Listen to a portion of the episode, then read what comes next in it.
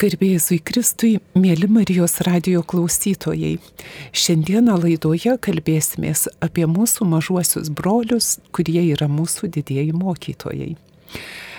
Ir šios laidos svečiai yra keli studijoje, tai Karolis Marcinkievičius, Arkos gyvenimo namų vadovas. Su juo kartu atėjo Edita, šių gyvenimo namų bičiulė ir Teresė Bugaitė, Vilniaus Arkos bendruomenės gyvenimo namų Betsata vadovė. Garbėzai Kristui. Dėkoju, kad sutikot dalyvauti laidoje ir, na, pakviesiu pasidalinti jūsų ir patirtimi, ir išvalgomis apie tai, kaip suradote šitą bendruomenę, kaip suradot žmonės, kuriem reikia mūsų bičiulystės ir kokia ta kelionė jūsų yra. Tada kviesiu, na, tą istoriją ir pasidalinti. Gal Karoli, esi arčiausiai manęs, klausytojai negirdi, tai... Sveiki. Galėčiau pasidalinti, kaip prasidėjo mano gyvenimo kelionė su, su žmonėmis, kurie turi intelektų negalę ir kuriuos mes vadiname bičiuliais.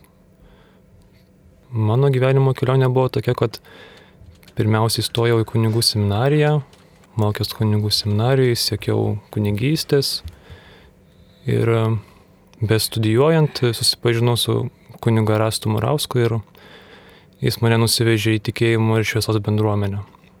Ir šioje bendruomenėje mes leidom daug laiko ir kažkaip būdamas su bičiuliu, pradėjau jausti, kad jisai keičia mano širdį. Kad kažkoks įdomus jausmas viduje yra. Ir po kiekvieno susitikimo su bičiuliu aš išeidavau tarsi pasistiprinęs dvasiškai. Ir laikui bėgant supratau, kad vis dėlto man nėra kelias į pašaukimą kunigystėje. Ir išėjau iš kunigų seminarijos, bet išėjęs pasirinkau sielovado studijas, kurios yra kartu susiję su socialiniu darbu. Tai yra panašiai kaip e, krikščioniškas socialinis mokymas. Ir tada sutikau Arkos bendruomenę. Jo, įsidarbinau grupinio gyvenimo namus. Ir grupinio gyvenimo namuose šiuo metu jau esu ilgą laiką. Aišku, ne tokį ilgą laiką, bet, bet jo, čia esu jau. Ir esu labai laimingas. Ir bičiuliai mano gyvenimą labai stipriai pakeitė. Labai ačiū, Karoli. O Teresėlė norėčiau klausti ir pačios, nes ta pati bendruomenė tik viena Kaune bazuojasi, kita Vilniuje ir pati atvykai iš Vilniaus. Tai kokia ta kelionė, nes mes kolegijas buvom Vytauto didžiojo universitete ir dabar štai pamenu net ir pokalbius apie, na, tokį rinkimąsi Tai jei galėtum pasidalinti.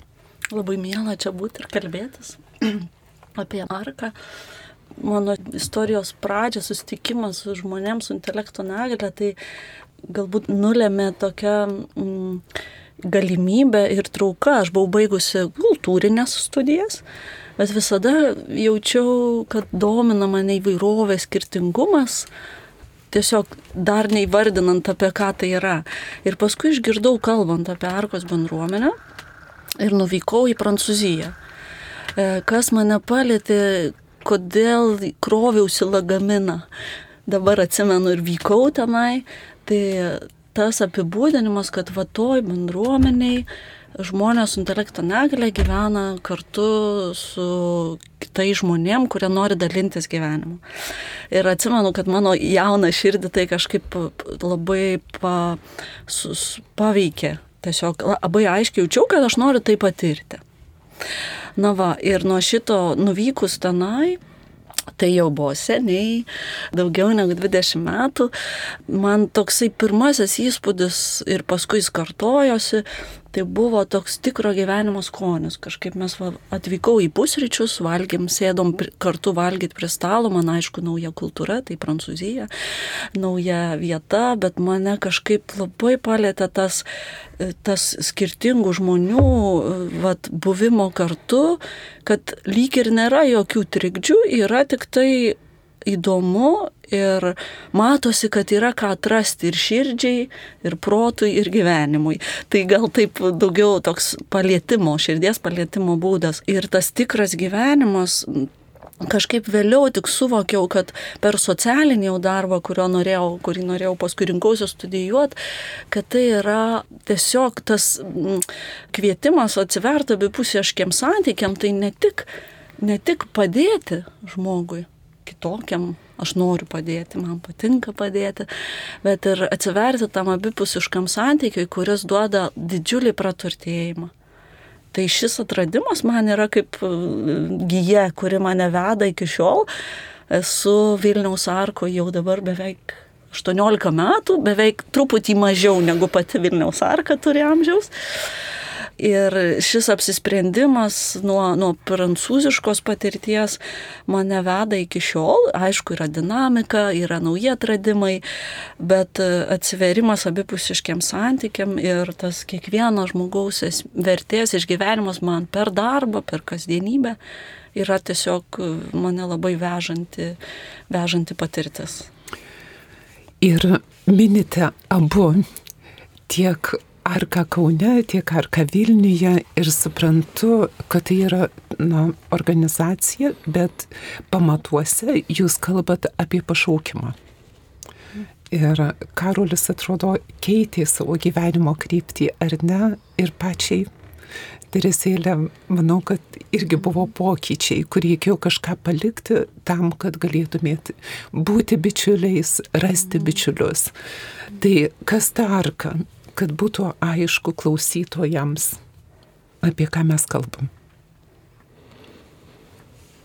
Arkos bendruomenė yra organizacija krikščioniška, tarptautinė, kur būna žmonės su intelekto negale ir jie nėra skaitomi tarsi žmonės, kurie būtų atskirti, bet tai yra vieta, kur žmogus intelekto negale gali būti kaip ir visi, turėti teisės į kai kurios dalykus, į visus galima sakyti, kurti. Kuriant tą gyvenimą kartu ir, ir, ir suteikiant tą erdvę, iš tikrųjų ir tos siekis to pilnaverčio gyvenimo yra, kuris yra visiems būtinas ir svarbus. Tik tai mes Arkos bendruomenėje derinam tą organizacinius dalykus ir bendruomeniškumą iš to derinio irgi kyla daug ir dovanų, ir iššūkių. Tai yra poreikiai ir ne, mes žinom, susitikę mūsų žmonės su intelekto negalė, susidraugavę su jais arba bekurdami ryšį matom, kad yra poreikiai, kurie būtini patenkinti kaip ir kiekvienam asmeniui. Dėl to reikia ir susiorganizuoti, ir turėti ritmą, ir turėti išmanimo. E, o kita dalis - bendruomeniškumas, tai kvietimas tiem abipusiam santykiam, kurie suteikia skonio, gylio, gal ir tos, tos pilnatviško išgyvenimo.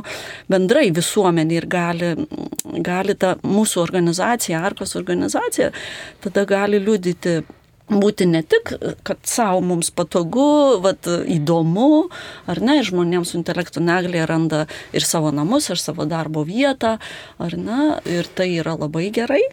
Ir sėkiu išeiti dar iš to patogumo, kad mes visi kaip organizacija, jos nariai, esame irgi skirti ir visuomeniai, nesame savo patys gražūs ir reikalingi. Tai man labai svarbu tą paminėti, kad Arkos bendruomeniai ta dinamika nuolat reikia ties to būdėti sakyčiau, aš jau dabar iš ilgalaikės perspektyvos kalbu, kad būtumėm, kad testumėm tą liudymą, kad neatsitiktų, kad, vat, sakykime, teikiame puikiai paslaugą, ar ne, ir mums to pakanka, žinoma, tas be galo svarbu. Tai norim tęsti ir tą ženklo misiją, kad esam ženklas visuomeniai, Arkus bendruomenė turi tą tokį nuo pradžių norą būti ženklų visuomenė, kad skirtingi žmonės gali rasti draugystės, bendrystės ryšius ir per tai keisti pačią visuomenę. Tiesiog per tai. Ir todėl dalindamiesi apie Arkos bendruomenę visada e, norisi pasakoti praeitį, truputį istorinės šaknys mums labai svarbu ir tradicijos svarbu sukūrimo tradicijos ir svarbus žiūrėti, į ką dar esame kviečiami šiandienai gal, tai gal būtų kitas jau kampas svarstymo, matymo, kad visada turim žiūrėti, kur esame toliau kviečiami, kokių dar ar namų reikia, ar reikia dirbtuvio, ar reikia kažkokios kitokios erdvės, kad kaip organizacija atlieptumėm ir į poreikius, ir nepamestumėm savo, savo misijos liudyti asmenų su intelekto negalę dovanas ir per tai nu, kurti tokią visuomenę, kurioje kurioje yra teisingumas. Nuostabu. Ir iš tikrųjų taip vedate į gelbę, bet dar norėčiau paklausti, nes manau, kad ir klausytojams tokie klausimai kyla, minite ir dirbtuvėlės, ir patys esat gyvenimo namų vadovai. Ar gali truputį apie struktūrą papasakoti, kas tos dirbtuvės, kas tie gyvenimo namai? Kokios dar veiklos siūlomos ir kokio amžiaus asmenims? Tai mūsų vat, Vilniaus arkos bendruomenėje, Karolis pasidalins panašu turbūt yra, prasidėjo, organizacija pradėjo kurtis nuo gyvenimo namų, tai šiuo metu ir yra aštuoni žmonės su intelekto negale, kurie gyvena gyvenimo namuose. E, jiems tai yra namai. Ir vėliau kūrėsi dirbtuvės, socialinės dirbtuvės. Tai dabar bendruomenė yra du padaliniai - gyvenimo namai ir socialinės dirbtuvės. Svarstome, norime, kad būtų dar galbūt dienos centras, būtent Vilniaus arkos bendruomenėje. Tai visus padalinius vienyje ta pati misija, bet veiklos yra skirtingos. Gyvenimo namai yra skirti kasdienybei, laisvalaikiu, šventėms gyventi savo namuose pilnavertiškai, su pagalba tiek, kiek jos reikia, iš darbuotojų ir savanorių, tuos kuriant ryšius ir, ir pagalbos ryšius, ir bendrystės ryšius. Tai gyvenimo namuose labai svarbu dienos ritmas kad žinotumėm, kaip čia mes gyvenam, kas bus po ko. Ir tai yra ramu, ir tai yra saugu. Ir taip pat svarbu kūryba, įkvėpimai, kurie teikia gyvenimui džiaugsmo, laisvalaikio veiklos, svečių prieimimas, ėjimas dalintis apie save, ką mes patiriame, kuo mes gyvename. Žinoma, mūsų dar Vilniaus arkos bendruomenė gyvenimo namai turi labai didelį ūkį, nes jie yra gamtoje, integruoti kaimo bendruomenę, tai turime labai ir visą ūkio priežiūrą atlikti. E, tai yra ir daržas, ir, ir šiltnamis, ir, ir vėja žolė, ir medžiai, vaismedžiai, nesiplečiant. Tai na, gyvenimo namai yra dar toks momentas, nežinau, bet žinau, kad Kaune tu Karol gal pasidalinsi dabar kursis nauji namai. Tai tiesiog gyvenimo namams yra taip, kad jie tampa pilni. nu, tiesiog. Ir, ir kada žmonės ir klausia, ir nori, tada reikia kurti kitus.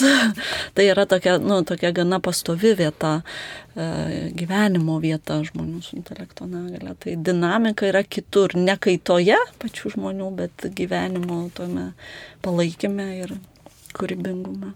Tęsiant, e, pas mus Kauno Arkos bendruomeniai, tai turime dienos centrą, socialinės dirbtuvės, ir pagalba priemant sprendimus. Ir pagalba priemant sprendimus tai yra darbuotojai, kurie dirbo su bičiuliu individualiai, jam padedant priimti kažkokį sprendimą svarbu arba jeigu jis turi kokią nors individualų darbą, tai šie darbuotojai jiems padeda įgyvendinti savo tikslus. Ir dar turim gyvenimo namus. Tai mūsų gyvenimo namai iš tiesų skiriasi nuo Vilniaus arkos bendruomenės.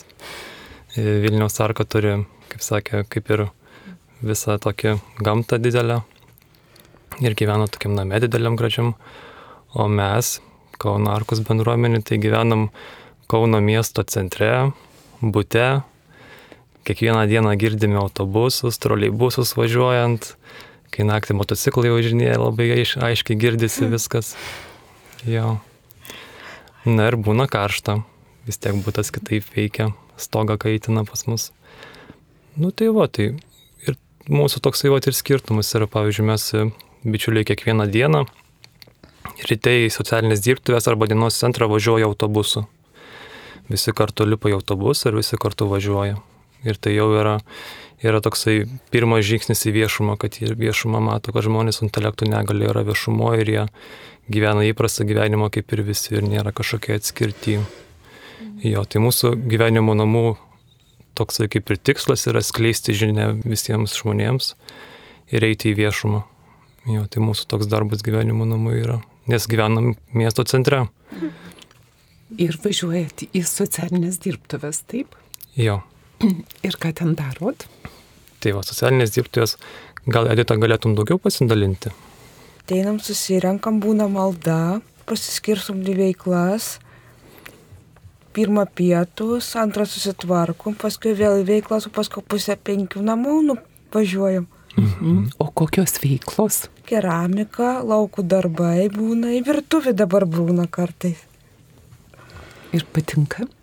Nu, matai labiau keramiką. Mhm. Tai podelius darom. Labai patinka keramika, tai paskui visą pareidį, jeigu reikia tiek, pažiūrėjau, glazų, tą šveisti visą pareidį baltą, nuo kojų iki galvos. Labai patinka keramika. Bet dabar negaliu sunkiai kilnuot, buvo pasitempiau raumenį ir dabar neleidžiama sunkiai kilnuot. Tai dirbk lengvesniuose, dirbk. O šiandien pas mus mišios. Arko. Mhm. Gėdžiuogas, kad čia atvažiavo į Marijos radiją. Va, padovanojai laiko ir mums. Taip. Oi, esu gėrus iš arkos puodelio arbatą. Ir atrodo, kad arbata net skanesnė. Kaip vaidai. Gal tavo edita darytas podelis buvo? Nu, panašiai, kad mano darytas. Jeigu tu mėgsti. Ir žinau, kad Edita nuėjo tokį pergalės kelią. Ar galėtumėte, Edita ir Karoli, pasidalinti, kas tai buvo? Ir kokia yra Lietuvoje sistema, kuri, na, mūsų bičiulius taip padeda į tam tikrą struktūrą ir nugalina. Kaip jūs įsigalinot? Gal galit pasipasakot? Taip, tai čia buvo labai svarbus įvykis Editos gyvenime. Edita pagal viską buvo neveiksni. Iš jos buvo, nu, kaip ir atimtas veiksnumas.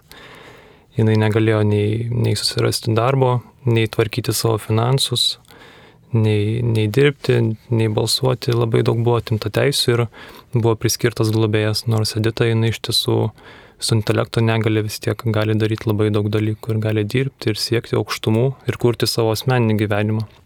Kai Edita atėjo į Kaunarkos bendruomenę, tai mūsų bendruomenė buvo priskirta kaip globėja ir mes nusprendėme, kad e, reikia siekti, kad Edita turėtų veiksnumą, jisai būtų sugražintas ir Edita galėtų kurti savo individualų gyvenimą ir siekti savo gyvenimo aukštumų turėjome tokių teisminių procesų, nes viskas vis tiek per teismą keliauja šitie visi procesai.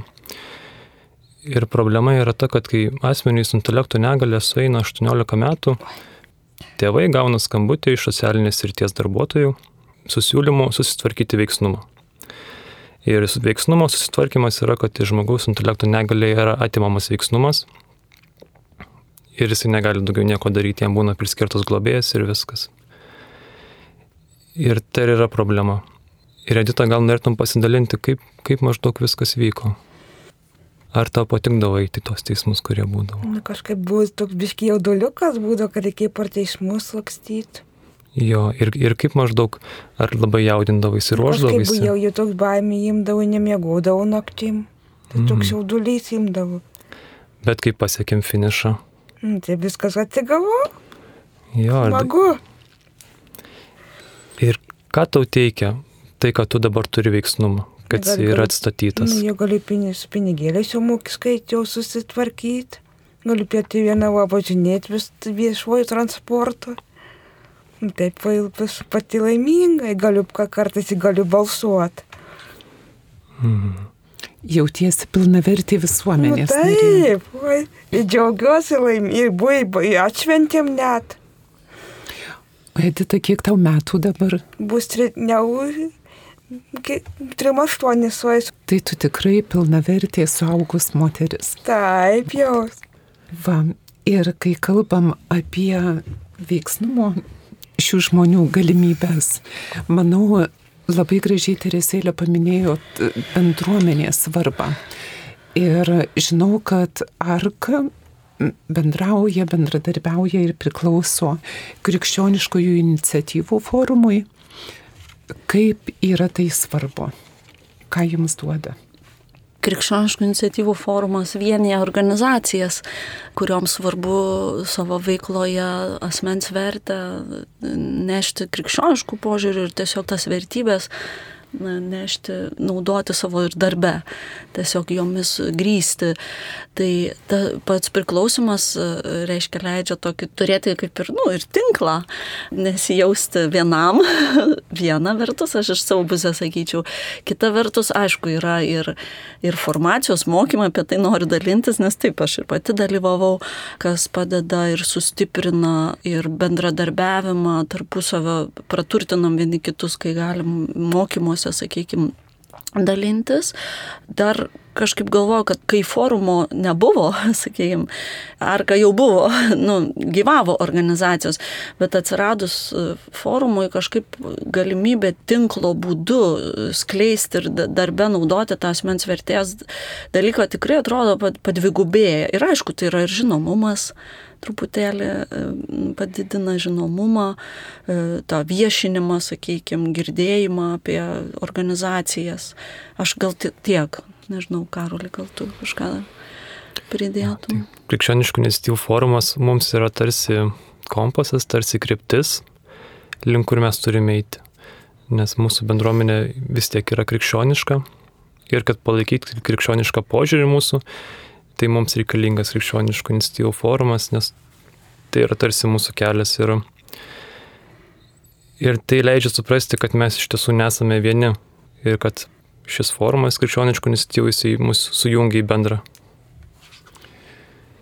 Ir tikrai va, ta krikščioniškų vertybių bažnyčios socialinio mokymo apie tai, ką jūs tarp eilučių pasakot, asmens orumas ir kitos vertybės, principai krikščioniškos veiklos, jie yra labai svarbus ir mūsų šiandienos pasaulyje, kada asmuo nėra vertinamas arba vat, neveiksnių padaryti galima labai greitai, bet kaip išvelgti Dievo akimis kiekvieno žmogaus grožį, padėti jam išsiskleisti, taip kaip Karoli labai gražiai pasakė, jo aukštum, pasiekti aukštumas.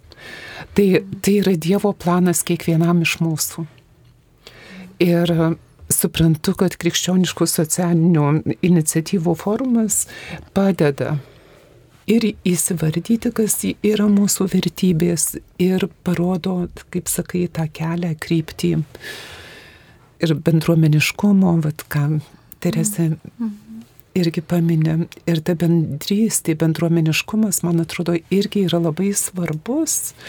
Kaip sakėte, ir turbūt reikės kitos laidos apie tai kalbėtis, nes iš tikrųjų net ir mes, kurie galvojam, esam stiprus, pajėgus, bet ir mums reikia bendruomenės, mums reikia šeimos. Tai tai, ką darot jūs, yra tikrai labai svarbu, kad padėt net ir įveiksmintiem žmonėm geriau funkcionuoti. Ir prie šito norėčiau dar kažkaip pridėti, gal, kai mes galvojam ir norim būti ir dirbti su žmonėms su intelekto negale, tai yra tas, nu, vis tiek yra ta, ta kalba apie poreikius, ar ne, ir įsiskleidimą, aukštumų siekimą, padėti žmogui.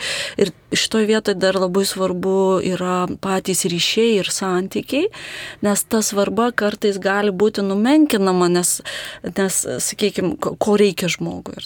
Atrodo, vat, jeigu ateina asmo iš atskirties arba iš, iš neturėjimo jokių ryšių arba neturėjimo dienos centro arba ir jau atrodo labai daug gauna, bet būtent bendruomeniškumas tą išskleidžia, kas svarbu mums krikščioniškose vertybėse, kad žmogui reikia ryšio su kitu žmogumi. Ir tai yra fundamentalu, aišku. Gali tie klausimai būti iš naujo keliami, gal man patogu ir gera turėti viską, ko reikia, bet aš galiu ir vienas viena būti, bet ilgainiui vis tiek suvokiam ir matom, kad, kad tai yra labai svarbu ir bendruomenė ar nu, organizacija svarbu, kad rūpintųsi ir šituo, nes tam įsiskleidime, ne, Edita svarbu, kad būtų ryšiai, kad būtų bendravimas, bendrystė, na, kad būtų draugų. Tai yra tiesiog labai svarbus dalykas. Mm. Ir jūsų lūkesčiai vis tiek dirbate taip, nu labai tokį, sakyčiau, subtilų ir, galima sakyti, toks mikrochirurgijos na, veiksmai, kuriuos atliekat kiekvieną dieną mūsų visuomenėje.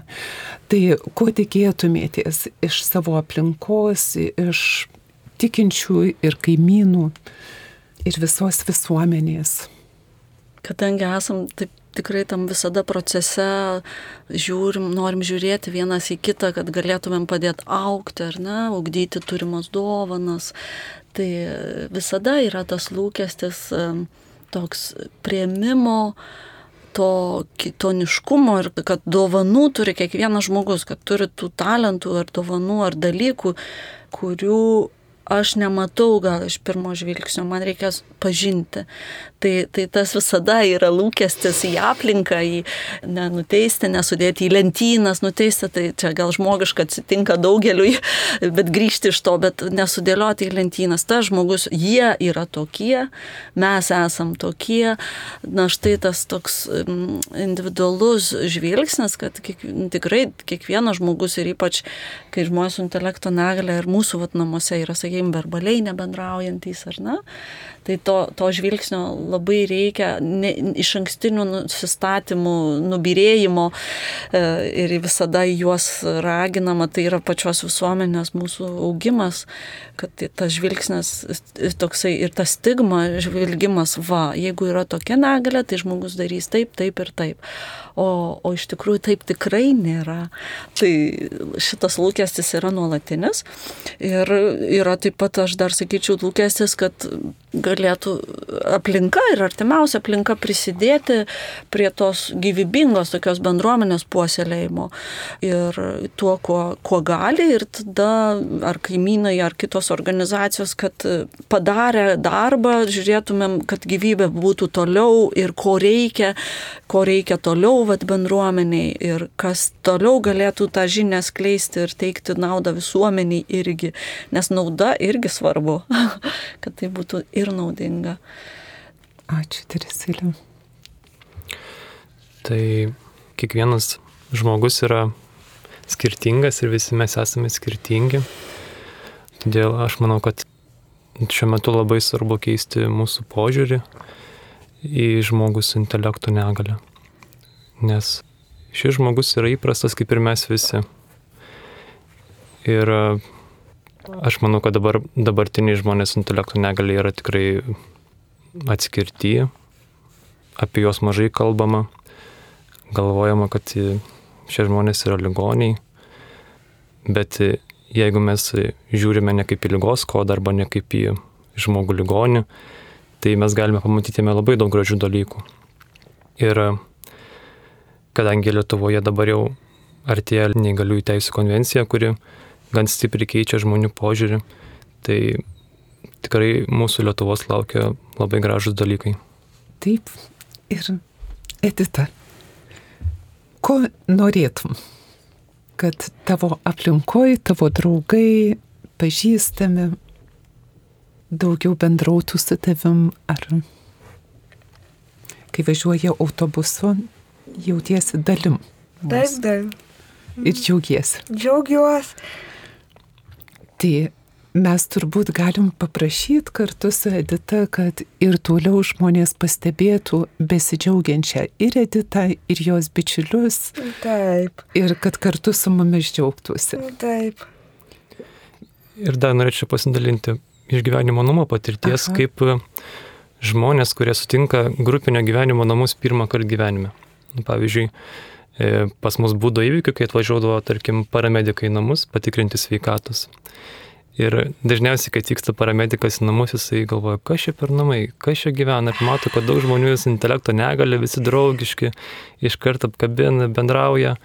Ir kas būdavo keista, kad matydavosi tų žmonių, nu, kad jie pavargė, nuovargis vis tiek dirba. Ir jie ateidavo tokie tarsi, tarsi pavargę, bet išeidavo tokie pasistiprinę ir netgi išeinant klausdavo, kas čia per bendruomenė, ką jūs čia veikiat, kaip čia kas vyksta? Ir mes tada iškart dirbom tokį viešinimo darbą, kad e, mes esam bendruomenė su intelekto negale ir kad mes turim savo gyvenimo namus ir mes einam į viešumą ir vat, dažniausiai va, tokios, tokiamis gražiomis, gražiais tokiais dalykais dalinamės. Jo, ir labai, ir labai, pavyzdžiui, džiaugiamės kaimynais ir kaimynai labai mus priema. Pradžioje dažniausiai būna tas toks požiūris baimės, atrodo, kad dabar bus žmonės neįgalus ir kaip čia bus dabar, atrodo tokie įsigandę. Bet su laiku pastebi, kad iš tiesų šie žmonės yra įprasti ir jie yra mylintis, draugiški, keičiantis mūsų širdis. Ir kas keista, kad žmonės intelektų negalė labai mato žmogaus širdį. Mato, kai žmogus skauda, kai jis yra liūdnas, kai kažkas ne taip, jie visą laiką viską mato ir supranta daug geriau negu mes patys.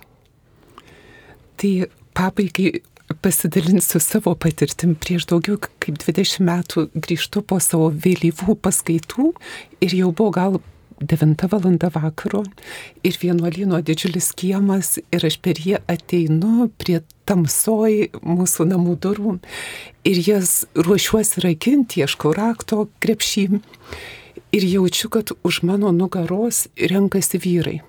Aš visai iš siaubo sustingstu ir galvoju, kaip man greičiau pakliūti į namus.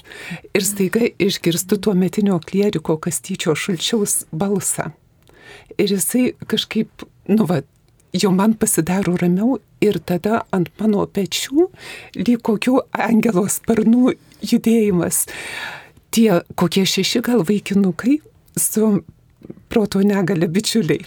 Ir jie man tapšnoja petį, bet taip švelniai. Nu, ir kažkaip, at, kaip sakai, atrodo ir visos dienos nuovargis, ir ta baimė kažkur išgaravoja, ir tu nešioji tą tokį, nu, išskirtinai švelnų prisilietimą atmintį. Tai išsekinom visą laiką, kiek jo turėjom. Aš noriu labai padėkoti tau, Terese, Edita ir Karolį už jūsų pasidalymą ir pasakojimą apie tai, kaip, na, mūsų šitie bičiuliai, kurie mūsų akimis žiūrint atseit stipriųjų, yra mūsų mažieji broliai bet jie yra mūsų didieji mokytojai, kad mes tikrai turėtume gyvą bendruomenę, taip kaip jūs kalbėjot, kad prisimtume iniciatyvą aktyviai ir labai jautriai klausyti, bet ne nuspręsti ten, kur jie patys gali spręsti. Ir tada, kai mes išmokstam va šito jautrumo, man atrodo, čia yra oazė, mokykla, kuri galėtų mus mokyti būti jautriais ir su tai žmonėmis, kurie lyg ir viską turi, bet, na, būtent va šitų savybių, tų mikrochirurgijos, kur reikia labai atsargiai ir subtiliai bendrauti vieniems su kitais, kad nevyktų karas. Ir kad mes turėtume tau orumą ir savo, ir kituose jį matytume. Tai, mėly Marijos radio klausytojai, dėkojam Jums ir primenu, kad šiandien kalbėjomės su mūsų nuostabiais svečiais apie Arkos bendruomenės bičiulius ir jų kelionę per mūsų visuomenės vieškelius. Ačiū Jums ir iki kitų kartų. Ačiū. Ačiū. Ačiū. Laidą vedžiau aš sesuo Daiva Kuzmetskaitė. Su Dievu.